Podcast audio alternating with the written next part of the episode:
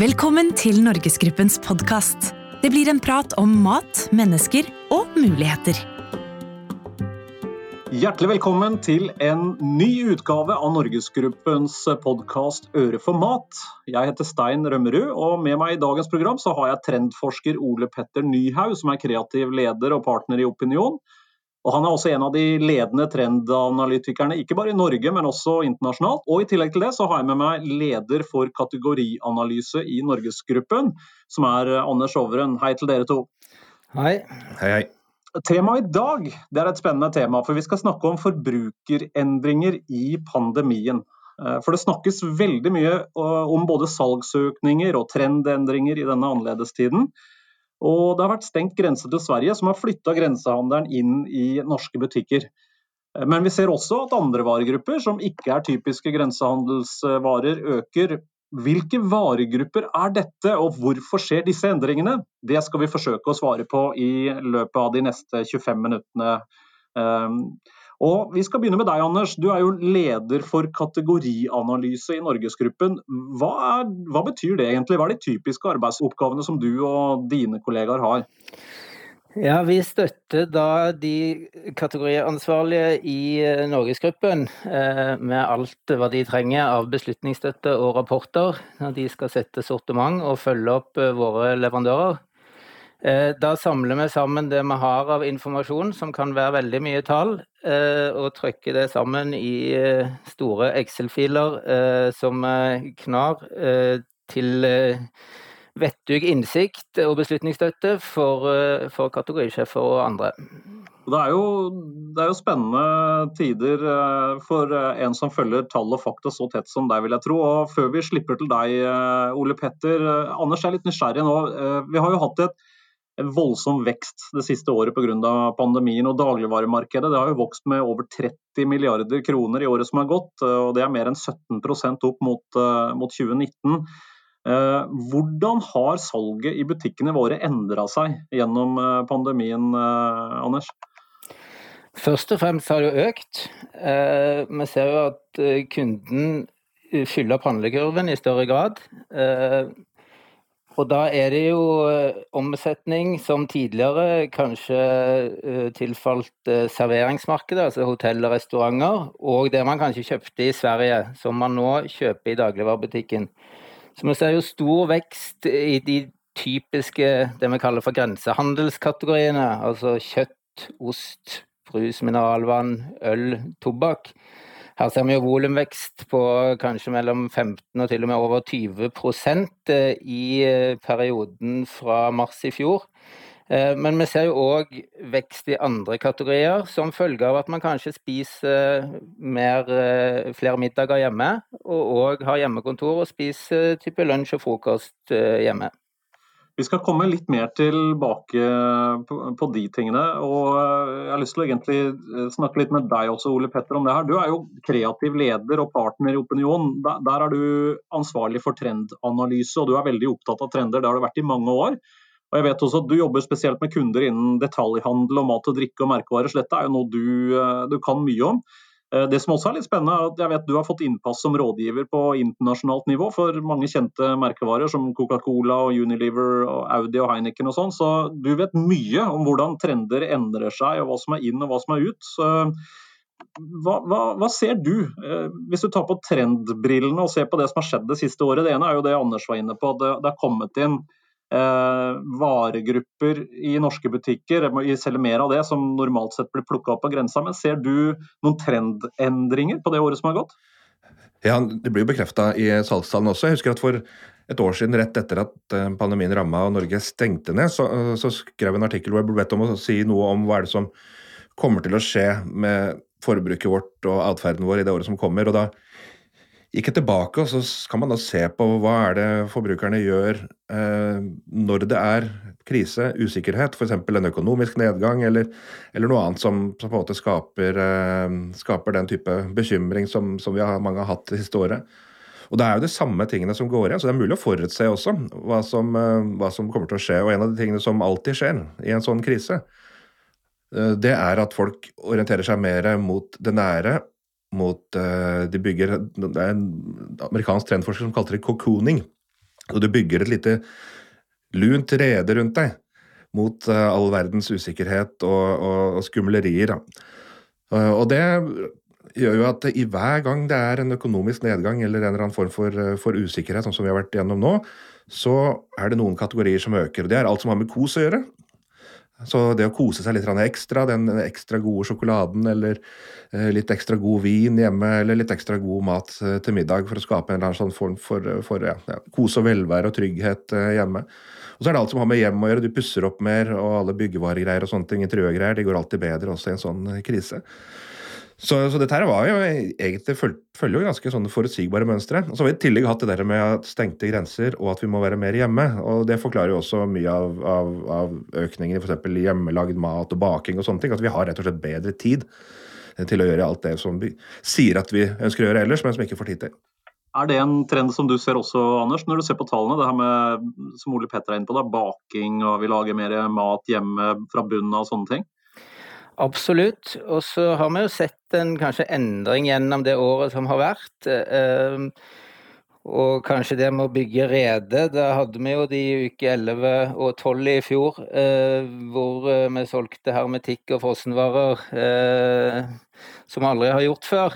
Og så har det jo dreid seg mer mot kanskje ferskvarer, litt andre typer middagsvaner etter hvert. Så jeg opplever vel kanskje at det har vært en økt optimisme, eller i hvert fall at forbrukerne har funnet seg til rette i koronasituasjonen. Og vi har sett en utvikling gjennom det året som har vært. Og så er det også interessant også, for jeg tror at for i hvert fall noe som Det blir spennende å høre fra, fra deg, Anders, hva, hva, dere finner. Nemlig at folk orienterer seg ofte også mot mer trygge og kjente merkevarer og produkter. Altså man velger kanskje det norske i litt mer grad i forhold til det utenlandske og man velger trygge, kjente merkevarer frem, fremfor å eksperimentere med nye ting. Så dere det også i løpet av i hvert fall den første halvdelen av, året? Eh, absolutt. Eh, norsk mat eh, har jo alltid vært populært hos den norske forbrukeren, eh, men kanskje spesielt nå etter, eh, etter korona så opplever vi jo at etterspørselen eh, etter norsk mat bare blir sterkere og sterkere. Og så henger det jo helt sikkert sammen med at Eh, det kan være utfordrende til tider å få tak i, norsk, eh, i norske råvarer. Så, og det presset merker vi jo eh, oss som jobber med, med vareforsyning fra dag til dag og uke for uke, kanskje spesielt innenfor kjøtt og grønnsaker, så er det jo en kamp om å få tak i gode norske råvarer. Men òg lokalmat er jo ting som Meny har satsa på, og som de har hatt veldig gode effekter mot forbruker, de kampanjene de har kjørt på det. Og når jeg spør forbrukeren, så sier jo godt over, eh, godt over halvparten, en veldig stor andel, at eh, norskprodusert mat er noe som blir, vil bli viktigere fremover. Men Er dette her trendendringer som vil vare, tror du Ole Petter, etter hvert som eh, samfunnet åpner opp og det blir litt andre tider igjen? Eh, nei, ikke, ikke, alt. For det, det, ene er jo at uh, vi kommer jo tilbake til en situasjon, i hvert fall de fleste, hvor man uh, må Og de som har vært hjemme f.eks. med hjemmekontor og sånne ting, som er rundt ja, 40% av befolkningen De fleste har jo faktisk ikke vært på hjemmekontor i, i, Norge, men de som da har måttet vært hjemme eller måtte endre livsstilen sin på et eller annet vis, de må jo de skal ut igjen og, og, begynne å få dårlig tid eh, igjen. Og så skal jo grensene åpnes, eh, får vi håpe, på et eller annet tidspunkt. Som sikkert også vil føre til eh, en kø på Svinesund. Så, så, jeg tror nok at veldig mye av det vi har sett av endringer, det vil nok gå tilbake. Jeg tror ikke at folk kommer til å fortsette å lage mat fra bunnen, f.eks. Eh, fremover. For at, fordi vi går litt tilbake til sånn som det var med, med litt dårlig tid. Så tror jeg også at for å liksom legge huet på blokka litt og, og, og komme med en liten sånn spådom på, på, på, hva slags type mat folk kommer til å etterspørre, så tror jeg at nå framover så kommer vi inn i en sånn periode med litt mer eksperimentering igjen. Da, når man føler seg trygg og alt åpnes opp igjen så er det sånn Få verden, liksom. Få, få inn eh, de gode, spennende smakene fra der ute. Nå er jeg møkklei av å sitte hjemme og spise bare det samme kjedelige, liksom. I, ikke til forkleinelse for norsk mat, for det er jo absolutt ikke kjedelig, det. Men, men jeg tror at man liksom har en sånn Kommer til å få en liten sånn derre Nå trenger jeg litt impulser igjen fra den store verden, og, og eksperimentere litt. og, og, og føle at, eh, at man kan gjøre litt nye ting igjen, da. Jeg opplever jo at de tendensene vi ser, er en en utvikling gjennom året som har gått, der forbrukeren i stadig større grad har forsøkt å kjøpe litt finere måltider, litt finere råvarer. Man kjøpte kanskje veldig mye kjøttdeig og frosne middagsretter i, i starten av koronaperioden. Og nå ser vi jo eh, salget av litt finere stykningsdeler innenfor rødt kjøtt, fisk osv. Eh, som har en mer jevn stigning gjennom året som har gått. Og vi ser jo òg Meny eh, er jo den dagligvarekjeden som, som gjør det best eh, gjennom, gjennom den siste halvdelen av korona. Så jeg håper og tror at eh, man har eh, Mange har sikkert, som meg, opplevd at man har eh, gått litt matlei når det har blitt mange måltider som man har måttet tilberede selv, og har vært ute og lett etter litt inspirasjon og vridd hodet litt for å forsøke å finne på noe nytt. Og at man da kanskje har sådd noen korn i form av ny matinteresse, som jeg tror kanskje kan vare til òg etter at korona er over. Ja, det er ganske interessant å se dette. Ja, unnskyld, Ole Petter, kjør på det. Nei, jeg bare tenkte også at, eh, for jeg tror Noe av det også kommer til å være at eh, man kommer til å ha mer interessert i liksom spennende mat fra utlandet. Nå er det jo Midtøsten som på full fart eh, inn rundt omkring i verden, sikkert også her. Koreansk, f.eks. Og forbrukerne sier at det de har lyst til, i våre undersøkelser, da, så ser vi at det, den type mat de har størst grad lyst til å gjøre mer av framover. Eh, det er, eh, det er en av å spise mer fisk, som alltid er på topp, men, men eh, det er mer asiatisk. Da, litt mer sånn spennende smaker fra, fra Korea og, og, og, Kina og Vietnam og, og, Japan og den type ting. Så det er jo spennende å se også om dere ser noe av det, den trenden. Midtøsten, Asia? Ja, Asia er jo, er jo noe av de varegruppene som, som har den høyeste veksten. type Nanbrød, andre asiatiske spesialiteter, eh, hvor veksten kan være oppimot 50 eh, og mer. Eh, og så er det jo mye eksotiske frukter i, som er inn om dagen. Mango, ananas, eh, sukkererter osv. Hvor vi ser at eh, at salget vokser mer enn en i øvrige varegrupper. Eh, kanskje ikke så, så, høy vekst i den tradisjonelle norske maten. Når jeg ser på type rømme og fløte og disse tingene, så, så henger det litt etter de, de, segmentene du snakker om nå. Hvordan, hvordan tolker du mangovekst og, og sukkerertvekst, Anders? Eh, det tror jeg er en stor trend i dagligvaren akkurat nå. Når jeg ser på de, det sommersortimentet som kommer i butikkene våre fra mai, eh, så kappes leverandørene om å innovere, eh, og veldig mye er konsentrert rundt disse smakene her. Blant annet på øl så tror jeg nok mange kommer til å kose seg med med mangoøl og ananas-ipa uh, når, uh, når uh, uteserveringen eller serveringen åpner igjen. Ananas, altså. Jeg husker jeg vokste, jeg vokste opp med Det er jo det, minst eksotiske. Jeg vokste opp med sånne ananas på boks. jeg husker det, sånn ananas i, Sånne ringer i sukkerlake. Det er bare så ueksotisk.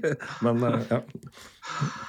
Men jo, vi koser oss mer, og vi sitter sikkert litt mer i ro også. og jeg vet Folkeinstituttet de gjorde en sånn uh, kostholdsundersøkelse nylig. Det er En spørreundersøkelse, rett og slett. og De spurte jo hvordan pandemien har påvirka aktivitetsnivå og vekt og kosthold. og denne ble jo gjort i februar i år, og der var konklusjonen at uh, særlig yngre voksne har, har hatt, et, uh, hatt, en stor endring. At 34% av de som er mellom 18 og 24 år svarer at de har gått opp i vekt siste året. Uh, så det er vel ting som tyder på da, kanskje at vi sitter litt mer i ro og, og koser oss litt mer. ser du noe lignende på dine trendanalyser, Ole Petter? Er det en del av den kokuningen som du snakka om? Ja, Jeg trenger ikke å gjøre analyse for det, for jeg sitter sjøl nesten ti kilo tyngre på stolen nå enn jeg gjorde for et år siden. Og du ser på skrittellerne på telefonen og sånne ting. Det er jo helt krise hvor lite man beveger seg, eller i hvert fall snakker for meg sjøl. Men, men, det jo, jo, vi ser det. Vi ser jo at uh, flertall av, av, av, av, folk i våre undersøkelser de sier at de har blitt eh, mer eh, inaktive. Men det er samtidig også nesten like mange som, som sier det motsatte. At de har gått, vært mer ute og brukt naturen mer. altså det er Spesielt det å gå turer og sånne ting, som, som folk har gjort i større grad enn, en før. Eh, og så er det sånn at I fleste områder i landet så har det jo ikke vært stengt f.eks. treningssenter og sånne ting. Det Mesteparten av året så har det vært åpent. Så, så ja, folk flest har nok holdt et sånn rimelig greit uh, aktivitetsnivå fortsatt, men det er en sånn polarisering, da. Du har en, en, gruppe mennesker som har hatt betydelig mindre, og så har det en gruppe mennesker som har hatt litt mer turer, mens så har det store gruppa i midten som, som er uh, omtrent som før. Um, akkurat dette med vekt har ikke vi spurt om, men jeg vil jo tro at det er også en, en konsekvens. og Det er vel ikke noe tvil om at de fleste har beveget seg litt mindre sånn totalt sett i løpet av, i løpet av en dag det siste året. Men jeg opplever jo òg før eh, korona at eh, det var en mottrend, spesielt i, i serveringsmarkedet, mot det sunnhetsidealet, hvor vi så masse eh, burgerrestauranter og donutkiosker som gjorde det veldig bra. Poppa opp rundt forbi i Oslo. Og jeg lurer jo på om dette kan være en mottrend som kan være i, i ferd med å få litt ytterligere fotfeste etter den debatten med, som har vært i media i det siste, og den eh, NRK-serien hvor de følger Ronny, Ronny Bredde Aase. Jeg vet ikke om du Ole Petter har noen tanker rundt det? Jo, det er et interessant poeng. Vi, vi ser jo også noe av det samme. Det jo, når vi gjør undersøkelser, spesielt kvalitative undersøkelser, intervjuer og gruppesamtaler og sånne ting om mat og, og drikke og kosthold, så, så, er det alltid en viss gruppe, eller visse mennesker, da, som, som, bruker som begrepet sunnhetshysteriet. Uh, og, og, det er jo klart at uh, for noen så, er det liksom bare alt det fokuset på sunnhet er i seg sjøl et, et, press, og som de kanskje også er litt lei av. og har kanskje lyst til å finne et rom og gjøre litt opprør mot. Er det ikke greit å bare kose seg, liksom? Er det ikke sunt, er det ikke god helse også bare ha det bra? Og det er jo litt det som han Ronny Brede også sier i den, i den serien. Så jeg tror du er inne på noe der, Anders, at, at det er noe som kommer til å å sette seg. Og, det, og, dessuten så er det jo sånn at jeg tror nok rett etter at pandemien på en måte, når, når, vi føler at alt er trygt, så skal vi liksom ut og virkelig kose oss. og det blir kanskje en liten periode hvor man nå, nå gidder jeg ikke å være ansvarlig, nå skal jeg bare nyte, kose oss, ut og spise, kose oss med god vin og, og godt selskap på restaurant og den sånne type ting. da. Så at det er litt, kanskje litt mer lov da, å tenke at eh, nei, søren heller, det, det er sunt å nyte også. Men det er jo en trend som vi så Jeg kom jo fra eh, leverandørsiden før jeg begynte i Norgesgruppen for et år siden. og Da, da var jo det en trend som vi, vi ante konturene av da. At det var stor forskjell mellom hva folk gjorde i uka og i helgene. At man det at man, at man har en litt mer sånn sunn, balansert livsstil mandag til torsdag, kanskje fredag lunsj. Og så eh, fra fredag kveld og gjennom helga så tillater man seg kanskje å, å øke kaloriinntaket litt og kose seg litt mer. Eh, er det, er, det, er det den trenden som fortsetter? Jeg, synes bare, jeg skal bare svare litt artig observasjon eller tall som vi har på, på, det. er at Vi spør folk om eh, Hvis du tenker på dagen i går, da. Eh, I hvor stor grad vil du beskrive dagen i går som en typisk, eh, en typisk måltidsdag ut fra hvordan man ser på sine egne rutiner?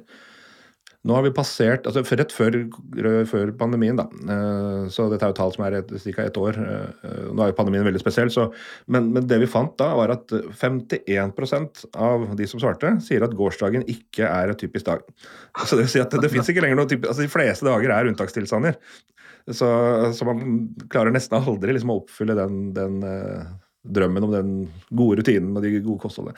Eh, litt annerledes i pandemien, litt flere regelmessighet, mer regelmessighet, men eh, vi går nok tilbake til en sånn situasjon hvor vi føler at hverdagen er litt ute av kontroll, kanskje.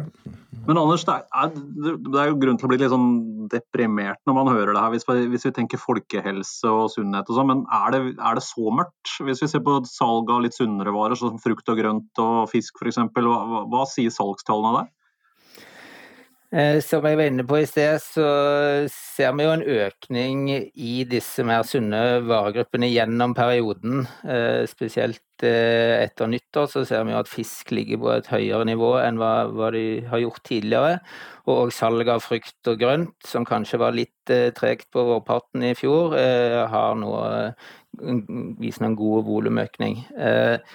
Og så ser vi at vi selger mye, når vi teller opp i antall kilo, så ser vi at vi selger veldig mye sukker. Og vi selger jo mer metta fett og, og salt òg.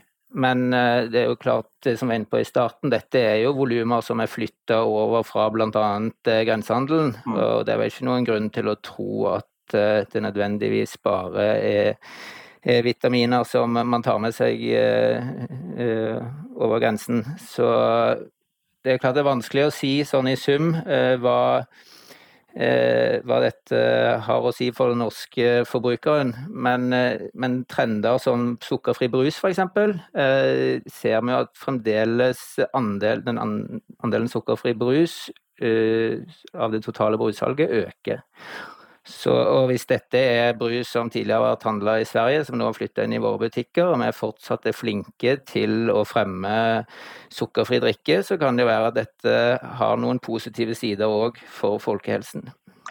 Og Der er jo Norge helt unik. Jeg var inne og så på noen salgstall. og Vi har jo i øyeblikket i det totale norske markedet en sukkerfriandel på 61% og Det tror jeg er det høyeste i verden. Det er ingen andre land som har en så høy sukkerfriandel innenfor brussalget eh, som akkurat det. Så Det er jo interessant, og det er vel en dreining som har skjedd de, de senere åra. Men jeg, jeg, er jo litt optimist ja, da, på vegne av norske forbrukere når man flytter salget inn i norske butikker. fordi eh, I såkalte expandable categories, det betyr jo eh, kategorier som ekspanderer desto mer varer du har tilgjengelig, så tror jeg det er litt sånn at når man først reiser til Sverige, så handler man mye og fyller kjøleskapet med det, og da konsumerer man også mer. Sånn type Har du veldig mye brus tilgjengelig eller veldig mye sjokolade tilgjengelig, ja vel, da øker konsumet også.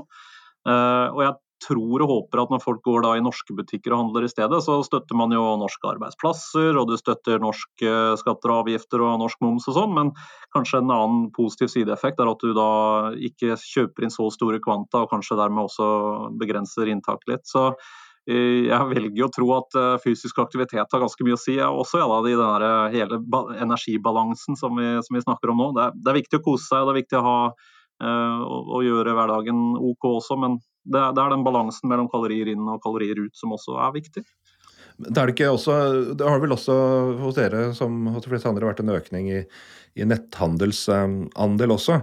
Og vi, ser jo, vi vet jo det at når folk handler mat, dagligvare, på nett, så handler de også mer sunt. da. At de tar mer fornuftige beslutninger, fordi da tenker du mer, og du planlegger mer. Og er ikke like utsatt for impulshandel som man er kanskje i butikk. Er det også noe som dere, dere ser? Absolutt. Eh, og netthandelen har jo dobla seg gjennom perioden. Den var jo høyest akkurat i, i eh, de få ukene etter lockdown, men har jo stabilisert seg på et mye høyere nivå. Og som du er inne på, så ser vi jo en sunnere handlekurv når når kunden handler på nett. Eh, så generelt, eh, hvis det er sånn at Nå har vi jo sagt at eh, noe av den omsetningen vi har fått under koronaen er lånt fra andre kanaler, men hvis vi får beholde noen av den, så tror jeg det er en god mulighet for oss å, å levere et bidrag til, til, folkehelsen, med at vi kan forsøke å dreine dette volumet i en mer sunn retning. Det er uh, veldig mye som tyder på det. Vi har jo hatt en kjempevekst som du sier, på, på nett. og Det kan jo hende også at det endrer litt av, uh, av handlevanene til enkelte forbrukere. At de ser at det å handle dagligvarer på nett er, uh, er, et bra alternativ til det å gå i butikk. Kanskje litt begge deler. Vi ser jo den største barrieren som folk har mot å handle, handle sunt ofte. det for noen er det kanskje, kanskje pris, men den største barrieren er egentlig mangel på planlegging. Og vi er jo en, en gjeng her i Norge som uh, ikke er så god på å planlegge uh, mat. 60% av middagsbeslutninger tas samme dag. Uh, vi besøker butikken langt oftere som dere vet, enn det man gjør i andre land. Vi er vel tre og en halv gang i uka, er det ikke det som, som er, er tallet for Norge? Og vi har jo en butikk på, på hvert eneste nes rundt, rundt i landet, så det er aldri langt unna. Og Det gjør jo at vi har fått en handleatferd som kanskje er eh, litt mindre planmessig enn det, enn det. Så egentlig det, det, dere burde gjøre for å bidra til folkehelse, er jo å stenge mange av butikkene deres. Så, så, det, ikke blir, så det ikke blir så kort nett til nærmeste jokeren. Nei, jeg regner med at det ikke er aktuelt. men eh, men, men, det bidrar jo til at, at, at, man ikke trenger å planlegge så mye. Og vi ser jo når man planlegger. Da handler man litt sunnere, som f.eks. når man handler på nett for hjemlevering i morgen. For mm. ja, det er jo flere butikker i Norge enn, eh, per pers da, enn det det er i Sverige f.eks. Eh, vi har jo 1850 dagligvarebutikker i Norge, men totalt sett så er det vel ja, mellom 3500 og 4000 butikker i Norge. Da, og Det er omtrent det samme som i som i Sverige, og de er dobbelt så mange forbrukere. Men det, det er jo knytta til at vi er mer grisgrendt i Norge enn det vi er i Sverige. Da. Eh, svenskene er mer urbanisert, så det bor flere rundt Stockholm og Göteborg og de store byene. Eh, og mindre på landsbygda. Mens i Norge så er det jo et eh, samfunnsoppdrag som sånne aktører som oss har, at, at vi skal drive dagligvarebutikker i hele landet. Og Derfor er vi til stede i jeg tror det er 89% av landets kommuner med butikker nå. og vi kan ikke legge ned jokeren på den ytterste nøkne, og da blir det bråk, Ole ja, Petter? Det skjønner jeg. Det var, det var egentlig en spøk, men, men, men, det forklarer noe av den litt spesielle handleatferden vi har i Norge, da, hvor man er så mm. ofte i butikken og ikke nødvendigvis trenger å planlegge for en uke av gangen. Ja, Det tror jeg du har rett i, og vi har relativt sett uh, små handlekurver. Men Anders, vi har vel sett tendensen nå i det året som har gått, at folk handler færre ganger og litt mer i butikkene nå enn tidligere? De handler i hvert fall mer og fyller handlekurven uh, med flere varer enn det man gjorde tidligere. Uh, frekvensen falt akkurat i ukene etter lockdown. Den, da falt den betydelig. Men så har den kommet seg opp samme, tilbake igjen på det samme nivået. Eh, men vi ser jo at eh, folk eh, handler litt mer i ukedagene, og, og en del òg legger handelen tidligere på dagen. Kanskje som følge av hjemmekontor etc. Og jeg tror jeg deler synet ditt, som du var inne på tidligere, Ole Petter, med at restaurantmarkedet nok vil få Det vil være en liten ketsjup-effekt der når, når samfunnet åpner igjen. Men de endringene man ser som følge av at arbeidslivet innretter seg annerledes med Teams-møter, hjemmekontor etc., det kan jo være endringer som uh, kan vedvare. Og, og, det spiller jo òg inn på det vi diskuterer, snakker om nå. Hvordan man planlegger å innrette hverdagen sin. Hva er, eh, hva er vekstvinneren i år, Anders, hvis du går inn og ser på tallene på alle varegrupper? Eh, da, apropos folkehelse, så er ikke det godt nytt. For da kommer tobakksproduktene på toppen. Men, men, det skyldes vel neppe at folk røyker mer? Det betyr vel bare at vi flytter omsetningen fra Sverige og fra taxfree inn i norske butikker, vil jeg tro? Det tror vi. Det er vanskelig å finne eksakte tall akkurat på, på, hva som flytter seg over grensen, men estimatene våre tilsier seg det. Det var kanskje litt eh, en ekstra dose med snus eh, idet man skulle flytte inn på hjemmekontoret, men det virker som det har gått seg til. Nemlig. Det er bra. Det er godt nytt for Finansdepartementet i hvert fall. Vi spør jo også om eh, for det, En ting er å se på, se på den salgsøkninga som har vært på f.eks. alkohol og tobakk. Eh, og den skyldes jo som dere sier, mye grensehandel, så det er vanskelig å se liksom, om det betyr en reell økning i folks konsum eller ikke. Så en måte å finne ut det på er jo å spørre folk, og det har vi gjort gjennom hele, hele året. Spurt om man eh, drikker mer og røyker mer. Da, og det, og det, er ingenting som tyder på det. Man f.eks. drikker mer alkohol, uh, heller tvert imot, da, enn, det man gjør tidligere. Så det er, det bare den utslaget av grensehandelen som har flytta til Norge, at vi ser den voldsomme økninga i alkohol og tobakk. Ellers så kommer jo rødt kjøtt eh, selvfølgelig høyt på disse listene. Vi eh, hadde jo en, en, fantastisk eh, forsommer med godt vær, og folk var ute og grilla. Og òg hjemmesommeren så vi jo tydelig merka vi jo tydelig, der nordmenn ferierte i Norge. Og salget av den type produkter holdt seg høyt, og lå godt over fjoråret gjennom sommeren. Men det er jo lett å være etterpåklok. Vi har eh, fasiten i hånda og vi ser på salgsdataene og hva som har skjedd det siste året. Men det er jo mye mer spennende å spå om fremtida. Uh, Ole Petter, nå skal du få dagens utfordring de neste månedene fremover nå. Hva vil skje med norske forbrukervaner hvis vi ser det i 2021-krystallkula? Nå er vi jo slutten av april og vi har, uh, vi har snart mai, vi har snart vår og så kommer sommeren. Hva skjer med norske forbrukervaner da? Nei, Nå har vi jo vært inne på, på, mye av det. da. Jeg tror at uh, vi kommer til å spise mye mer ute så snart vi får, uh, får muligheten til det. Og, og, jeg tror at vi vil etterspørre mer litt sånn uh, eksotisk mat. da. Litt, ja, Vi var inne på asiatisk. Litt spennende smaker, litt spennende retter. Eh, får lyst til å prøve å eksperimentere litt. Eh, og Vi skal også gjennom en periode hvor vi skal kose oss skikkelig både ute og, hjemme, men da med gjester og invitere til alle disse festene og bryllupene og, og lørdagskveldene som vi har eh, gått glipp av det siste året. Så det blir mye, mye sånn ja, god mat. og det, det, kan vi glede oss til. God mat og drikke. Syns det høres veldig bra ut. Anders, hva er din spådom for resten av året?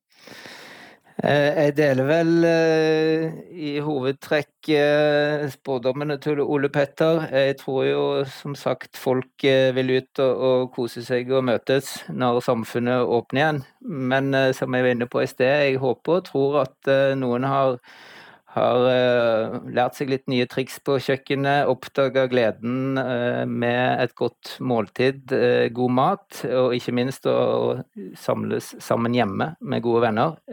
så jeg tror at det litt over tid, når folk har fått, har fått feste fra seg og, etter den første perioden, at man vil se at noe av det, de tendensene fortsetter. Tida flyr når vi har det gøy, sånn er det bare. Fordi nå er denne utgaven av Norgesgruppens podkast Øre for mat over. Vi takker dagens deltakere, Ole Petter Nyhaug fra Opinion og kollega Anders Overem fra Norgesgruppen for at eh, dere har delt eh, deres eh, spennende innsikter med oss. Og ikke minst takk til alle dere som tok dere tid til å høre på podkasten vår. Mitt navn er Stein Rømmerud, og jeg lover at vi er tilbake med en ny utgave av Øre for mat i mai. Og inntil da, ha det bra, og hold dere friske alle sammen. Abonner på Norgesgruppens podkast i iTunes og på Soundcloud. Besøk oss på norgesgruppen.no. Gi oss gjerne tilbakemelding på Facebook-sidene våre.